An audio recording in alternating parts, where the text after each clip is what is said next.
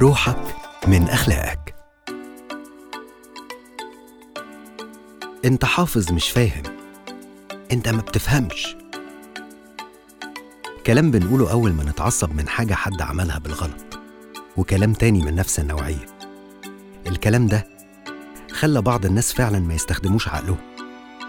عشان فقدوا ثقتهم في نفسهم من كتر ما سمعوا الكلام ده ده حتى كمان ده خلاهم يقولوا كده لنفسهم. أطفال كتير اتقال لهم الكلام ده وهم صغيرين وصدقوه ونسيوا قد إيه ربنا مديهم ملكات مش عند غيرهم. لما نفهم قد إيه كلامنا قوي ومؤثر هنعرف تأثير كلامنا على نفسنا وعلى غيرنا وهنعرف إن قوة الكلمة لا يستهان بيها. الكلمة الطيبة بتخلق أرواح طيبة. روحك من أخلاقك.